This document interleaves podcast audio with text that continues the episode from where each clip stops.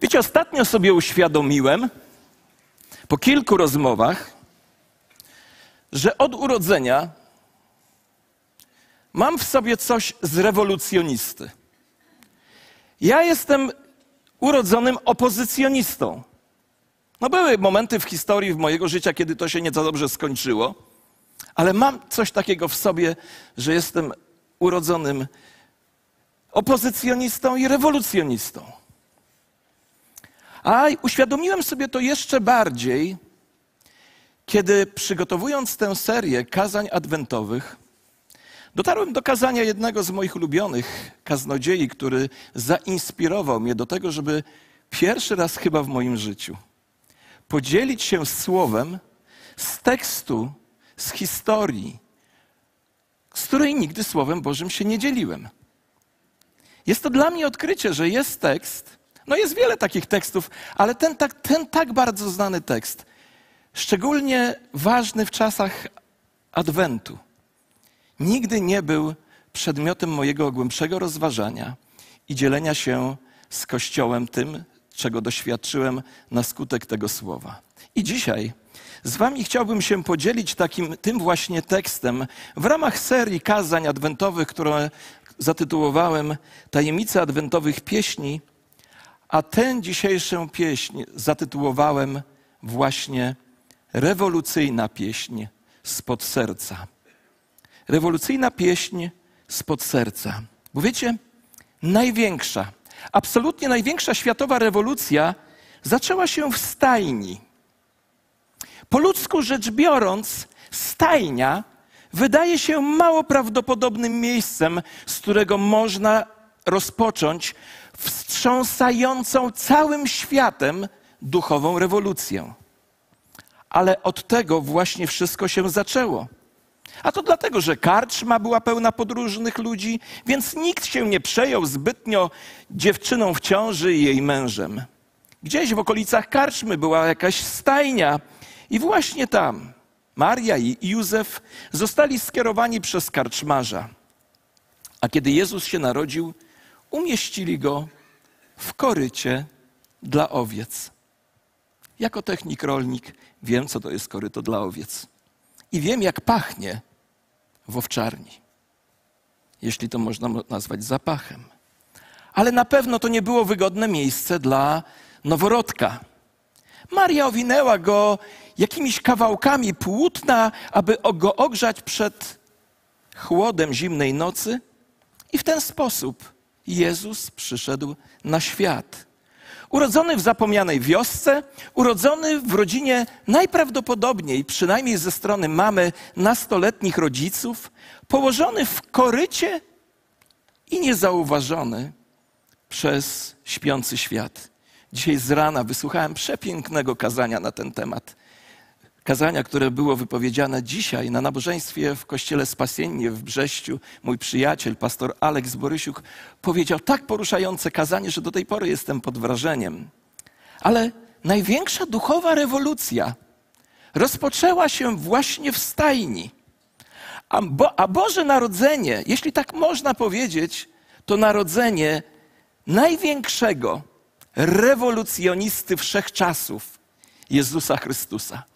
Być może kole ciebie to słowo rewolucjonista, bo masz na myśli kilku innych, a może tego jednego, któremu zawdzięczamy skutki pewnej rewolucji. Ale właśnie Boże Narodzenie opowiada o przyjściu na świat największego, absolutnie największego rewolucjonisty, Jezusa Chrystusa, nieporównywalnego z żadnym innym.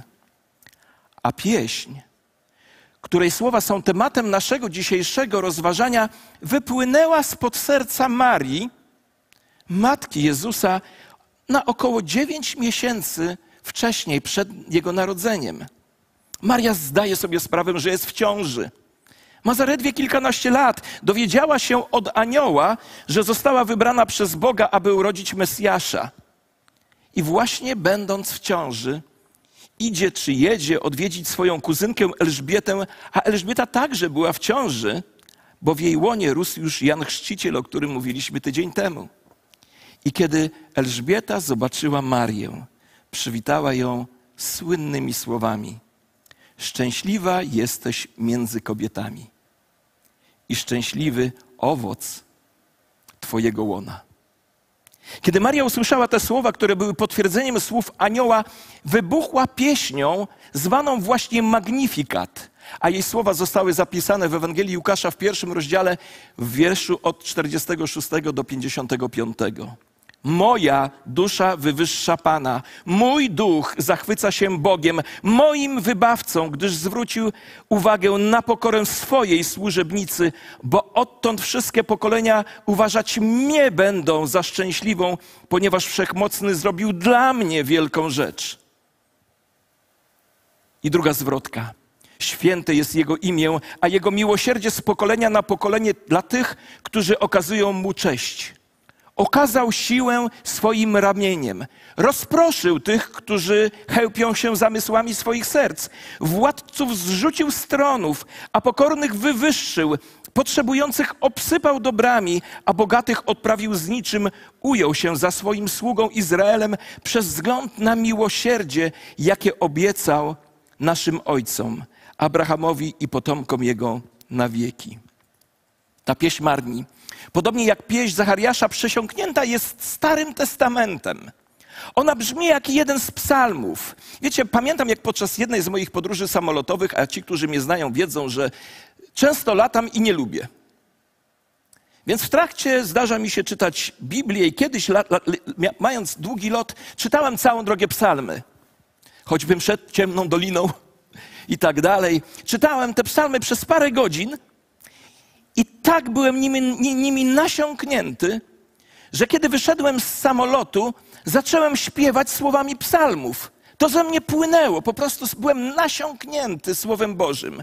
Kiedy więc czytasz Magnifikat, to musisz mieć świadomość, że wypływa ona z serca przesiąkniętego Bożym Słowem. Osoby zanurzonej w Bożym Słowie, która została wybrana przez Boga, aby sprowadzić na świat Mesjasza. Powiem Wam szczerze, dla mnie, po tym, co przeczytałem, po przeczytaniu kazania, które mnie zainspirowało do przygotowania mojego nauczania, dotarło do mnie, że Magnifikat to jest pieśń rewolucyjna. I ma w zasadzie ona, tak jak już mówiłem, dwie zwrotki. W zwrotce pierwszej, specjalnie to podkreślałem, Maria zastanawia się, co oznacza dla niej osobiście wybranie do bycia matką Mesjasza. Ona osobiście chwali Boga za Jego wielkie miłosierdzie dla niej. Jej słowa są bardzo intymne, a jej punkt widzenia jest skierowany do wewnątrz. A w zwrotce drugiej wydaje się, że Maria znika z pola widzenia. Chwali Boga za wpływ przyjścia Chrystusa na świat.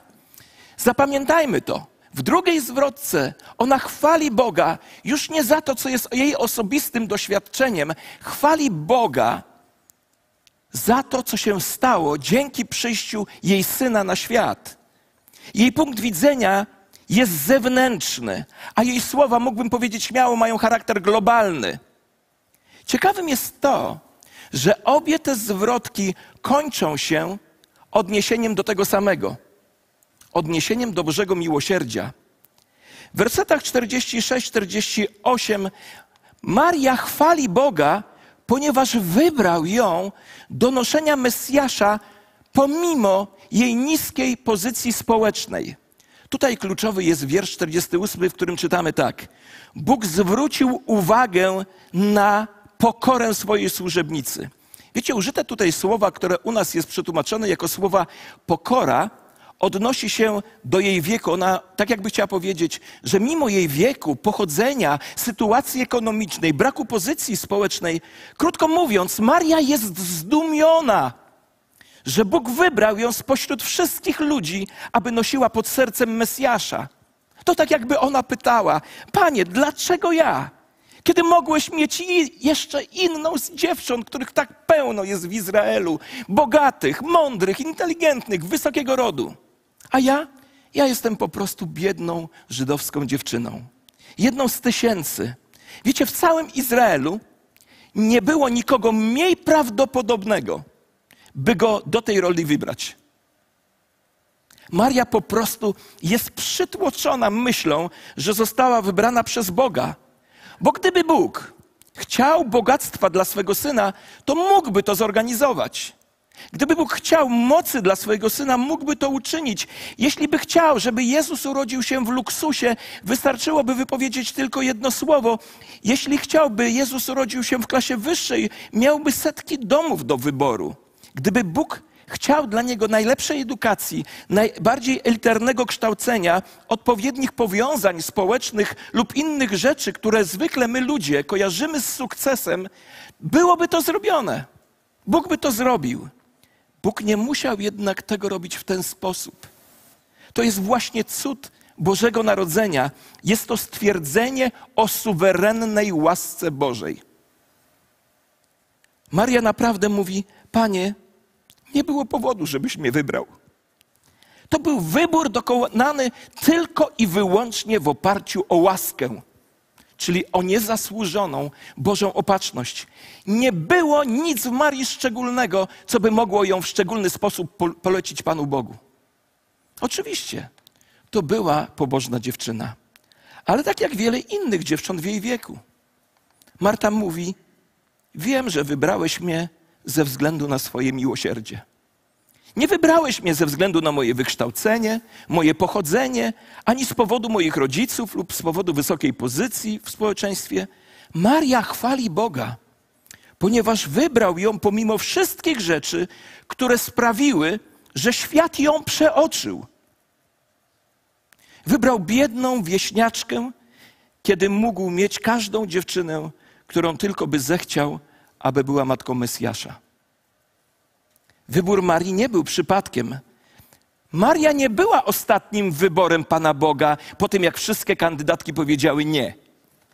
Maria była pierwszym i jedynym Bożym wyborem.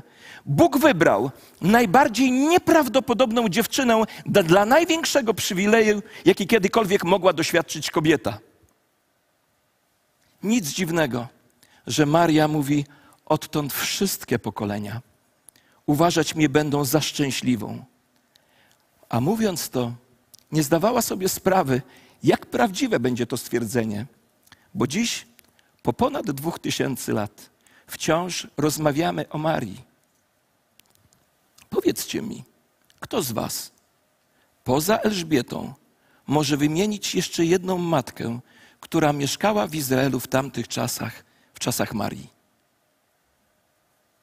Reszta jest zapomniana. A Maria zostaje zapamiętana na zawsze. I to jest pierwsza zwrotka magnifikat.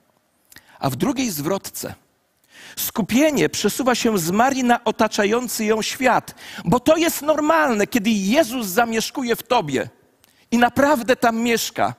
To w, te, w pewnym momencie z tego skupienia na sobie idzie skupienie na świat. To jest świadectwo tego, że On jest w tobie. Ponieważ Bóg dokonał wielkich rzeczy, wybierając tak mało prawdopodobną osobę, teraz robi Bóg rzeczy w mało prawdopodobny sposób. Wiecie, czytając wersety następne od 51 do 55, nie tylko zauważasz skupienie z Marii na świat, ale tam jest dosyć ciekawie to napisane, bo Maria, używając gramatyki, następuje zmiana czasu. Kiedy Maria mówi o sobie, używa czasu teraźniejszego. Ale kiedy mówi o świecie, używa czasu, posłuchajcie, przeszłego. Czasu przeszłego. Okazał siłę, rozproszył, wywyższył, obsypał dobrami, odprawił z niczym, ujął się. Co tutaj się dzieje? Kiedy Maria mówi w domyśle On, mówi o Jezusie Chrystusie, którego nosi pod sercem. Ale w tym momencie Pan Jezus dopiero rośnie w jej ciele. Jak ona może mówić w przeszłości o tym, co Chrystus uczyni w przyszłości? Maria po prostu prorokuje. Maria prorokuje. Z gramatycznego punktu widzenia używa czasu przeszłego, dokonanego, by powiedzieć o tym, co się wydarzy w przyszłości. Ona czyni to, co czynili prorocy. Tak czynili prorocy. Prorocy, patrząc w przyszłość, byli tak pewni, tego, co zobaczyli, że zaczęli wykorzystywać czas przeszły dokonany, aby opisać to, co było dla nich absolutnie pewne w przyszłości. Mam nadzieję, że nie zamieszałem. W końcu jestem nauczycielem nauczania początkowego. Ona jest tak całkowicie przekonana o tym, co zrobi jej syn Jezus, kiedy przyjdzie na świat, więc mówi o tym tak, jakby to już się wydarzyło. Choć jeszcze to jest przyszłość, to w umyśle Marii jest to fakt, ponieważ Bóg tego chciał. I w tych wersetach 51-53 Maria opisuje, i teraz bądźcie uważni, Maria opisuje trzy rewolucyjne zmiany, które nastąpią na ziemi z powodu narodzin Jezusa. Jeszcze raz to podkreślę, bo to dzisiaj będzie ważne. Doświadcza Jego obecności wewnątrz. Jej skupienie najpierw jest na sobie, ale normalną rzeczą jest to, że kiedy człowiek, który ma Jezusa w swoim sercu, musi w pewnym momencie wyjść na zewnątrz i skupić się na tych, którzy są na zewnątrz. Tak się dzieje tutaj. I Maria mówi o trzech rewolucyjnych zmianach, które nastąpią, na pewno nastąpią. Po pierwsze, jego narodziny doprowadzą do rewolucji moralnej. Okazał siłę swoim ramieniem, rozproszył tych, których, którzy chełpią się zamysłami swoich serc. Przyjście Chrystusa oznacza koniec wszelkiej chełpliwości. Oznacza koniec ludzi, którzy chełpią się sami w sobie. To koniec próżności, to koniec pychy, to koniec pysznych ambicji. Jego przyjście oznacza koniec nienasyconej chciwości i niekontrolowanej rządzy władzy. Potężni są pokonani przez silne ramię Boga. Po drugie, jego narodziny doprowadzą do rewolucji społecznej. Władców zrzucił z tronów, a pokornych wywyższył. Dumni są sprowadzani nisko, a pokorni podnoszeni. I trzecia rzecz, posłuchajcie. Narodziny Chrystusa przynoszą rewolucję gospodarczą, ek ekonomiczną. Potrzebujących obsypał dobrami, a bogatych odprawił z niczym. W całej historii, posłuchajcie tego uważnie, w całej historii, ilekroć Ewangelia trafiła do społeczeństwa, zwykle wchodziła na niższe poziomy społeczno-ekonomiczne. Tak już jest. Jak popatrzycie w historii o, o większości przebudzeń, choć nie o wszystkich, o większości przebudzeń zawsze zaczynały się od klasy, która społecznie stała na niższym poziomie. W dowolnej kulturze zazwyczaj, choć nie zawsze, Kościół zaczynał się od ludzi ubogich. A wiecie dlaczego? Ponieważ ubodzy nie mieli nic, czemu mogliby zaufać. Więc kiedy słyszeli Ewangelię, przyjmowali ją jako naprawdę dobrą nowinę. A bogaci, i tu jest mowa zarówno o bogactwie materialnym, jak i o, bogactwie religijnym, a bogaci, choć to nie reguła, często nie widzą swojej potrzeby Chrystusa, więc ignorują Ewangelię. Tak samo jak ludzie, którzy są bogaci w różne religijności, często właśnie ignorują Chrystusa, bo myślą, że ich religijność jest ich bogactwem. Więc ilekroć Ewangelia wkraczała do społeczeństwa i wywierała wpływ na znaczną grupę ludzi, zawsze przynosiło to także wpływ na podniesienie statusu ekonomicznego tych ludzi. Widziałem to na własne oczy. Ilekroć Ewangelia wchodziła do biednych, to podnosi tę grupę w danym społeczeństwie. Tak się dzieje na świecie. Tak więc Ewangelia czyni ludzi lepszymi a lepsi ludzie tworzą lepszy świat. Słyszycie? Ewangelia i tylko Ewangelia, tylko Chrystus czyni ludzi lepszymi, a lepsi ludzie czynią lepszy świat. Tak to działa. Ewangelia nie tylko działa wewnątrz, czyli tylko w tobie. Ewangelia działa również na zewnętrzną transformację, która dosłownie zmienia sposób myślenia, mówienia i działania. Pamiętam chłopaka, który nawrócił się na naszej ewangelizacji i potem przychodził na spotkania i chciał zawsze czytać. Jak czytaliśmy z Biblii, on zawsze chciał czytać. Nie potrafił czytać. Był w pewnego rodzaju wtórnym analfabetą. Dukał, jak czytał. Ja, mnie już denerwowało, wiecie, bo ja jestem z tych ludzi, co już bym chciał szybciej. A on po prostu się jąkał. Ale potem widziałem, jak z dnia na dzień jego możliwości umysłowe zostały zmienione przez Chrystusa. Płynność czytania, chęć poznawania sprawiły, że ten człowiek dokonał, do, do, doświadczył niesamowitej przemiany. A więc Ewangelia przemienia myślenie, mówienie, działanie, ale też w ten sposób właśnie, patrząc na historię świata, napędzała postęp gospodarczy, miała ekonomiczne zastosowanie. Kiedy przestrzegane są zasady Ewangelii, głodni są wypełnieni, a uważający się za ciągle bogatych, zarówno materialnie, jak i religijnie, ciągle są głodni, ciągle są nienasyceni. Posłuchajcie uważnie.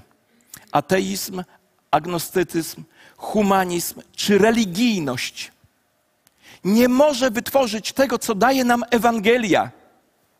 Ewangelia jest jedyną nadzieją dla ludzkości.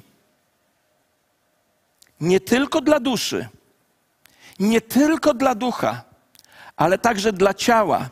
Nie tylko dla kościoła, ale także dla świata. Nie tylko dla jednostki, ale także dla całego społeczeństwa. I kiedy Ewangelia poczyni postępy w społeczeństwie, wówczas znajdziesz pokój, harmonię, spokój i ostateczny dobrobyt. A jaką my mamy tendencję? Każdy z nas siedzący na sali może tego nie rozumieć, ale wszyscy mamy tendencję do prywatyzacji Ewangelii. Tak bardzo, że nie widzimy tej prawdy. A historia Bożego Narodzenia uczy nas, że Bóg jest po stronie ubogich, zarówno materialnie, jak i tych, którzy są ubodzy duchem. Jest po ich stronie, ponieważ nikt inny po ich stronie nie jest. Podejmuje ich sprawę, ponieważ nikt inny tego nie zrobi. Walczy za nich, ponieważ nikt inny nie będzie o nich walczył. Zwraca na nich szczególną uwagę, ponieważ reszta świata to zaniedbuje. Serce Marii jest pełne chwały, ponieważ wie, że świat będzie innym miejscem, dlatego że przyszedł Chrystus. On uniży dumnych, dumnych z powodu swojego majątku czy religijnych osiągnięć, ale podniesie pokornych, wypełni głodnych, a ufający swemu bogactwu, zarówno religijnemu czy materialnemu, zostaną odesłani puste. A zakończeniem magnifikat kieruje znów nasz wzrok na Boże miłosierdzie. Wychwalając Go za to, że wysyłając Jezusa Chrystusa na świat, Bóg dotrzymuje swoich dawnych obietnic, danych Abrahamowi. Czytamy w wersecie 54. Ujął się za swoim sługą Izraelem przez wzgląd na miłosierdzie. Bóg pamięta o tym, że jest miłosierny. Czy wiecie, że Bóg pamięta o tym, żeby zapomnieć? Twoich grzechów więcej nie wspomnę. Piękne zdanie. Twoich grzechów już nie wspomnę. Bóg pamięta, żeby zapomnieć. Co byśmy zro- zrobili, gdyby Bóg zapomniał być miłosiernym i zapomniał zapomnieć naszych grzechów? Gdzie byśmy byli, gdyby Jezus nie przyszedł? Następnie Maria wspomina o Abrahamie, a to przenosi nas dwa tysiące lat przed Chrystusem. Między Marią a Abrahamem minęło 70 pokoleń. Wszyscy żyli w perspektywie obietnicy Bożego Narodzenia. Tego właśnie szukali, mimo że nigdy nie słyszeli tego słowa. A teraz, po tylu latach, Maria widzi spełnienie tego, o czym tylko marzyli jej przodkowie. Jej serce jest tak pełne, że nie może się powstrzymać. Zrobiłeś to, panie. Dotrzymałeś obietnicy. Minęło dwa tysiące lat, a ty pamiętałeś o swoim miłosierdziu. Słuchajcie, to jest piękna i mocna pieśń. W Magnifikat jest zarówno piękno i delikatność i potężna moc. Śmiało mógłbym do Magnifikat zacytować recenzję Roberta Schumana do koncertów fortepianowych Chopina. On powiedział tak: Dzieła Chopina to armaty ukryte w kwiatach. Magnifikat jest właśnie taki. Piękno i delikatność i potężna rewolucyjna moc. Bo Chrystus dokonuje rewolucji w każdym człowieku i dokonuje rewolucji na świecie. Jakie jest więc ogólne przesłanie Magnifikat? Przesłanie jest bardzo proste. Bóg okazuje miłosierdzie tym, którzy na to nie zasługują. Hej, czyli dla ciebie i dla mnie. Wybiera skromnego ponad dumnym. Znajduje głodnego i wypełnia go, a polegającym na bogactwie, na swoich religijnych uczynkach, odsyła, odsyła z niczym. Po co? Po to, żeby dotarli jeszcze do tej refleksji, że potrzebują Boga, bo tak naprawdę są ubodzy. I Bóg zawsze dotrzymuje swoich obietnic. Zawsze dotrzymuje swoich obietnic. Wiecie, te dwie zwrotki tak naprawdę mówią to samo, tylko z różnych perspektyw. Maria w pierwszej zwrotce ukazuje sposób, w jaki Bóg działa. Tak naprawdę ta pierwsza zwrotka, w zasadzie Maria, sama jest przykładem, jest symbolem, a powiem więcej, właśnie jest przykładem tego, o czym mówi druga zwrotka.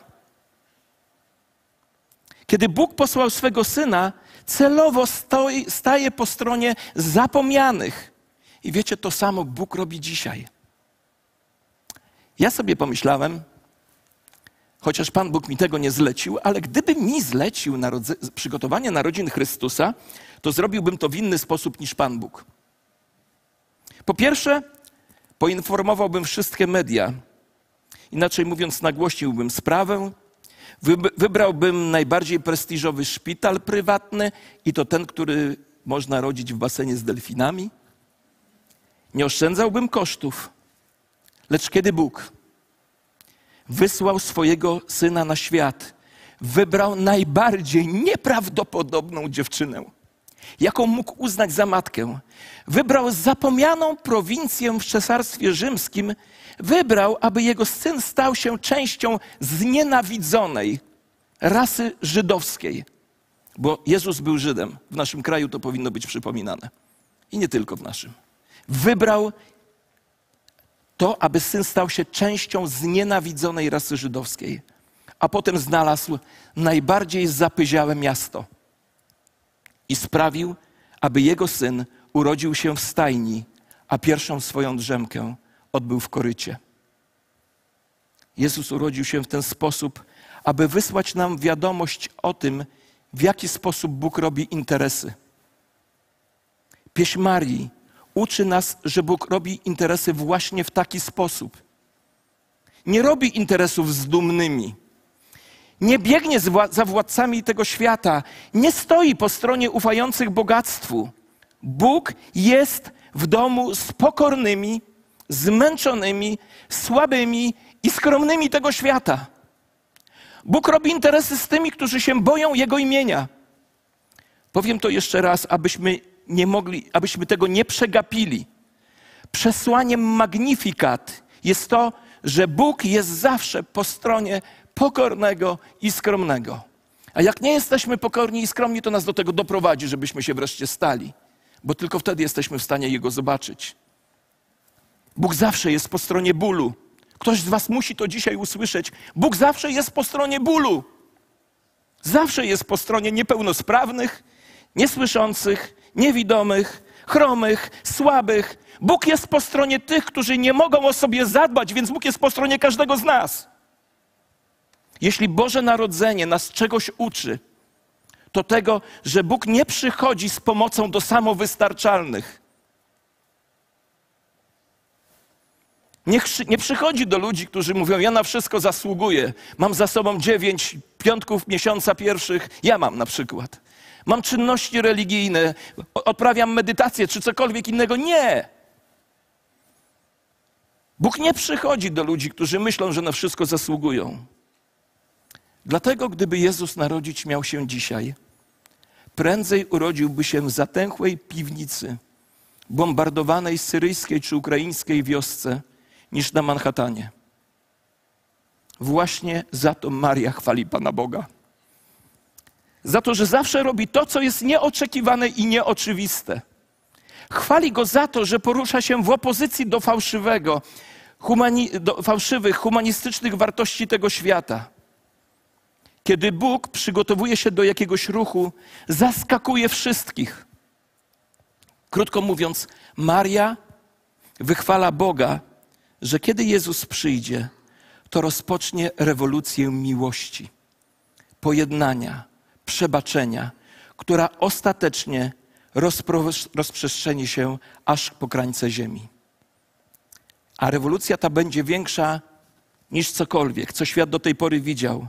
A rewolucja rozpoczęła się w stajni, w Betlejem, najbardziej nieprawdopodobnym miejscu ze wszystkich.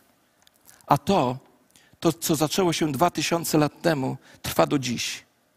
A nam przyszło żyć w czasach ogromnych przemian. Lecz największa, wręcz rewolucyjna przemiana to jest ta, która właśnie rozpoczęła się w korycie, w stajni, w Betlejem.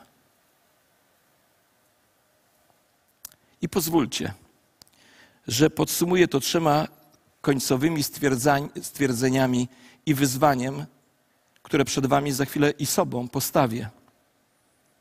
Narodziny, refleksja pierwsza, stwierdzenie pierwsze. Narodziny Jezusa oznaczają początek największej rewolucji w historii ludzkości. To, co Bóg zaczął w Betlejem, ma znacznie większy wpływ niż jakakolwiek inna rewolucja w historii.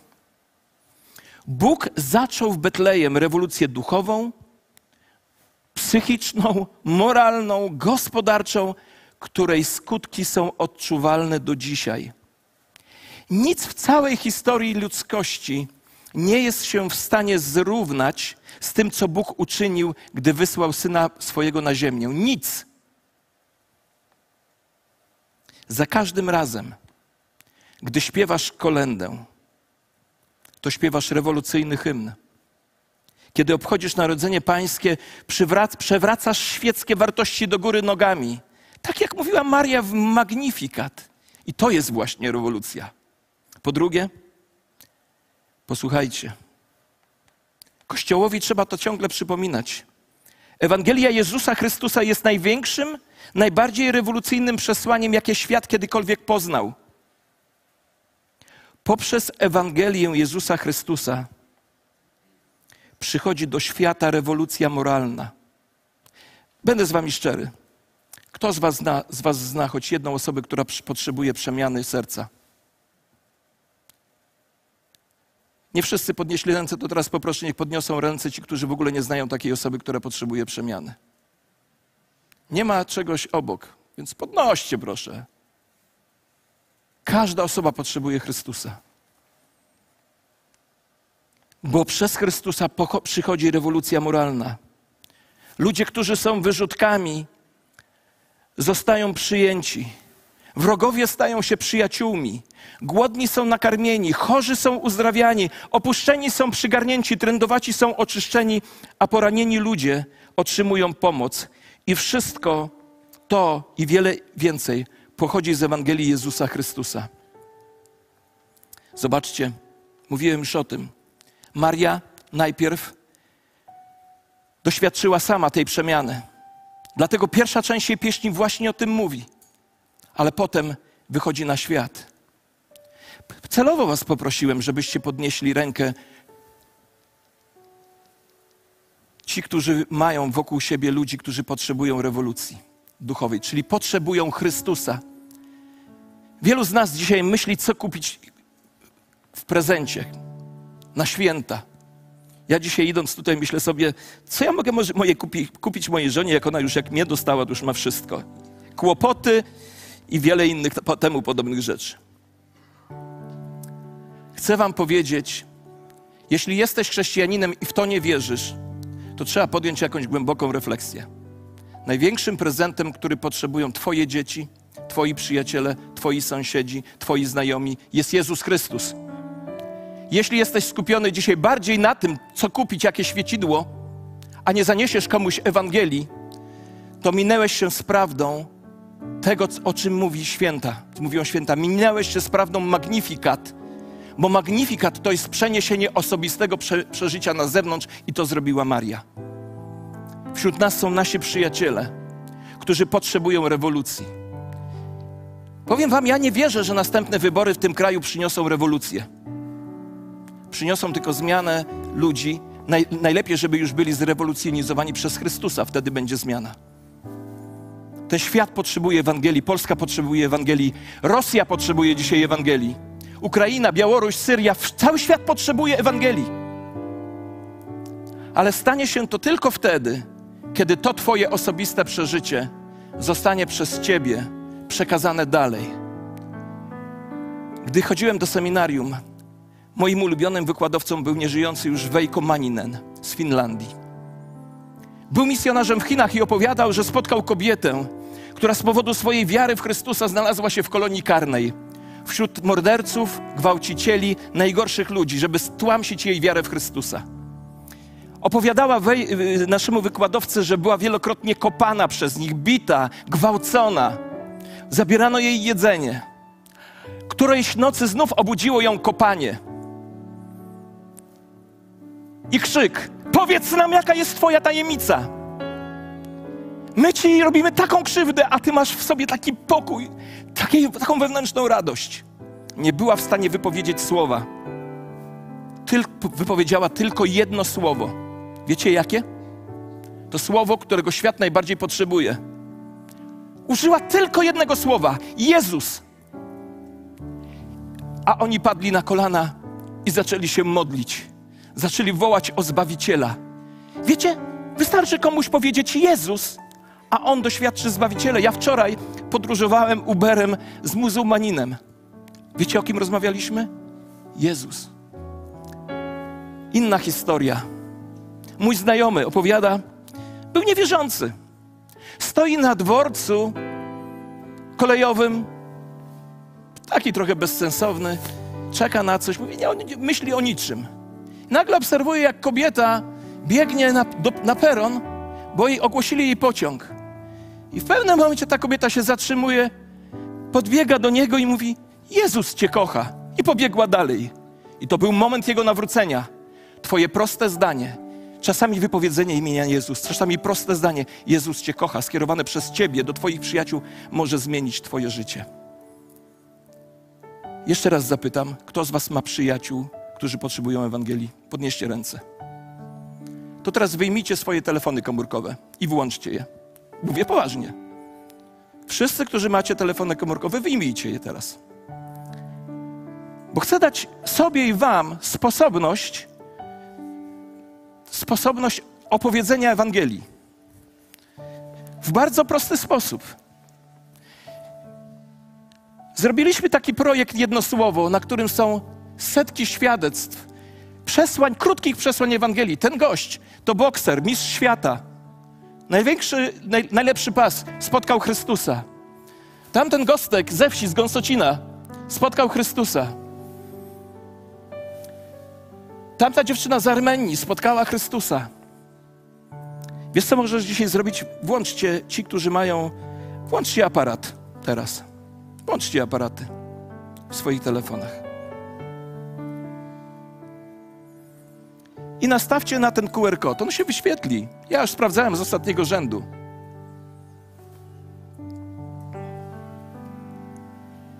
I się ukaże napis YouTube i naciśnijcie. To się jeszcze będzie wyświetlać. Projekt nazywa się jedno słowo, bo tym słowem jest Jezus. Tym słowem jest Jezus. Komu z Was się udało? Sporo. A jeśli komuś się nie udało, to otwórzcie teraz YouTube na swojej komórce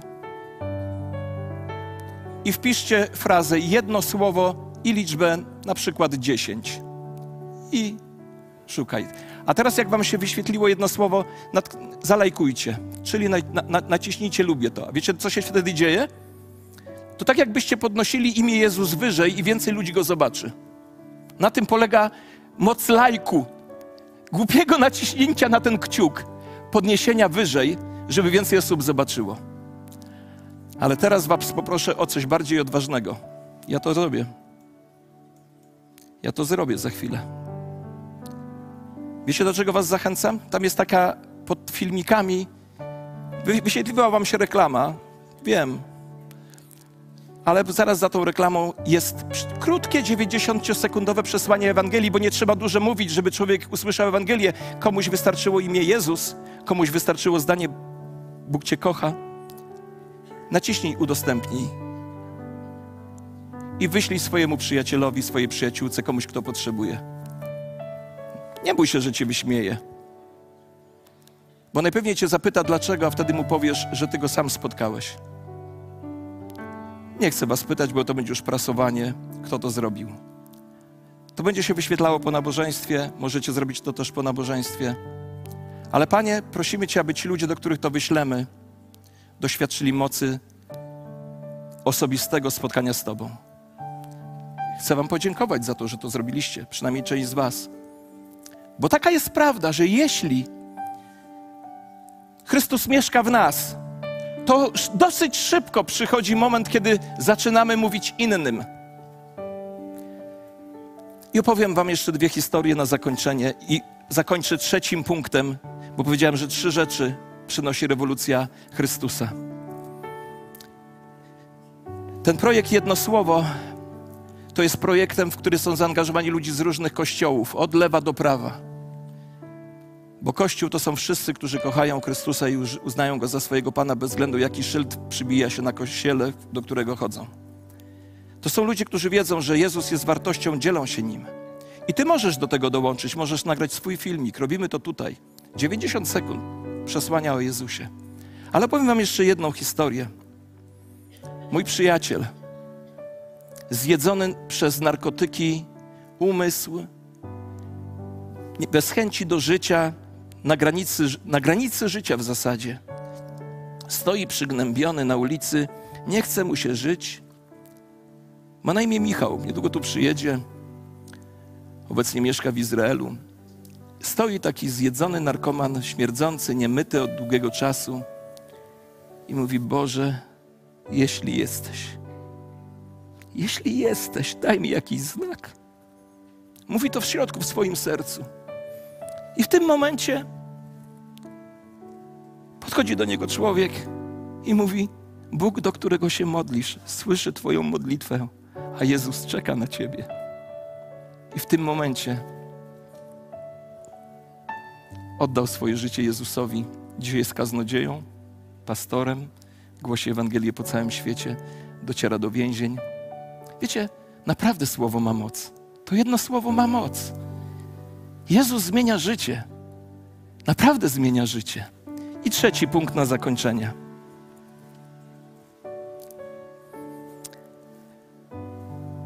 Po trzecie, oznacza to, że Jezus Chrystus sam jest największym rewolucjonistą wszechczasów. Wpływy na świat wszystkich innych rewolucjonistów razem wziętych do kupy, tak zwanej, są nieporównywalnie mniejsze a większość z nich jeszcze było bardzo destrukcyjnych, od wpływu tego jednego człowieka z Betlejem. Urodził się w małej wiosce. Jako dziecko biednej kobiety dorastał w innej wiosce o złej reputacji. Do 30 roku życia pracował w warsztacie stolarskim, a następnie przez trzy lata był wędrownym kaznodzieją. Nie miał domu, nie napisał książki, nie sprawował urzędu, nie miał rodziny, nie poszedł na studia nie nie, nie, jego nogi nie stanęły nigdy w większym mieście od Jerozolimy, nie podróżował dalej niż 300 kilometrów od swojego domu i nigdy nie zrobił ani jednej rzeczy, która z ludzkiego punktu widzenia świadczy o wielkości. Gdy był młodym mężczyzną, fala opinii społecznej odwróciła się od niego, a jego przyjaciele uciekli, a jeden nawet go zdradził. Został wydany wrogom przeszedł przez niesprawiedliwy proces, został ukrzyżowany pomiędzy dwoma złodziejami, a kiedy umierał, jego oprawcy grali o jedyną jego własność. Mówią, jedyne co miał, to była szata, ubranie, suknia. A kiedy umarł, został zdjęty i pochowany w pożyczonym grobie. Dzięki litości przyjaciela. A od tamtej pory Od tamtej pory minęło 20 stuleci, a on ciągle dziś i na zawsze tak będzie. Jest centralnym punktem rasy ludzkiej. Jest przywódcą całej sztafety postępu na tym świecie. Wszystkie armie, które kiedykolwiek maszerowały, wszystkie floty morskie, które kiedykolwiek pływały, wszystkie parlamenty, wszyscy królowie, którzy kiedykolwiek rządzili, razem wzięci, nie wpłynęli na życie człowieka na tej ziemi tak mocno, jak to jedno samotne i na finale odrzucone życie. Więc chcę Cię zachęcić. I dałem nam dzisiaj narzędzie, proste narzędzie. Dołącz do Niego i Jego rewolucji. Bo to Jego urodziny obchodzimy teraz. Narodziny Jezusa rewolucjonisty. Przyszedł zmienić świat, a odkąd przyszedł, świat nigdy taki sam nie pozostał. I rozpoczął rewolucję, która trwa do dziś. A Jego naśladowcy kontynuowali to dzieło w Jego imieniu. Za naszymi drzwiami w okresie tego Bożego Narodzenia szaleją wojny. Ale wiecie, trwa też inna wojna. Jezus rozpoczął wojnę z szatanem i jego królestwem, a ta wojna toczy się dzień i noc, dzień i noc, dzień i noc. W tej wojnie łupem są mężczyźni i kobiety. A jak co roku nasz naczelny dowódca poszukuje ochotników, którzy wezmą jego sztandar i będą walczyć w jego imieniu. Dlatego dołącz do niego, dołącz do Jezusa, dołącz do jego ludzi, dołącz do jego rewolucji i w taki sposób zmienimy świat. W inny sposób świat zmieniony nie będzie. I dzisiaj potrzebujesz Jezusa. Są tutaj na sali osoby, które potrzebują Jezusa. Potrzebujecie Go, nasi przyjaciele potrzebują. To, co swojemu, wiecie, do mnie to dociera codziennie. To, co moim dzieciom mogę dać, najwięcej, największy skarb, jaki mogę im dać, to Jezus Chrystus. Bo mogę dać im najlepsze wykształcenie, majątek i cokolwiek jeszcze innego. Ale jeśli na koniec życia staną przed Bogiem, a Bóg powie: No, przepraszam, nikt wam nie opowiedział o Jezusie, nie jest on w waszym sercu, nie daliście mu swojego życia, to wasze życie dobiegło końca. Możecie tylko chwilkę popatrzeć, jak będzie pięknie w przyszłości. Bóg tego nie chce. Dlatego Maria miała w sobie słowo, a potem tym słowem się podzieliła. Dzisiaj tu na tej sali Ty potrzebujesz tego słowa, Jezusa Chrystusa. Pochylmy nasze głowy w modlitwie.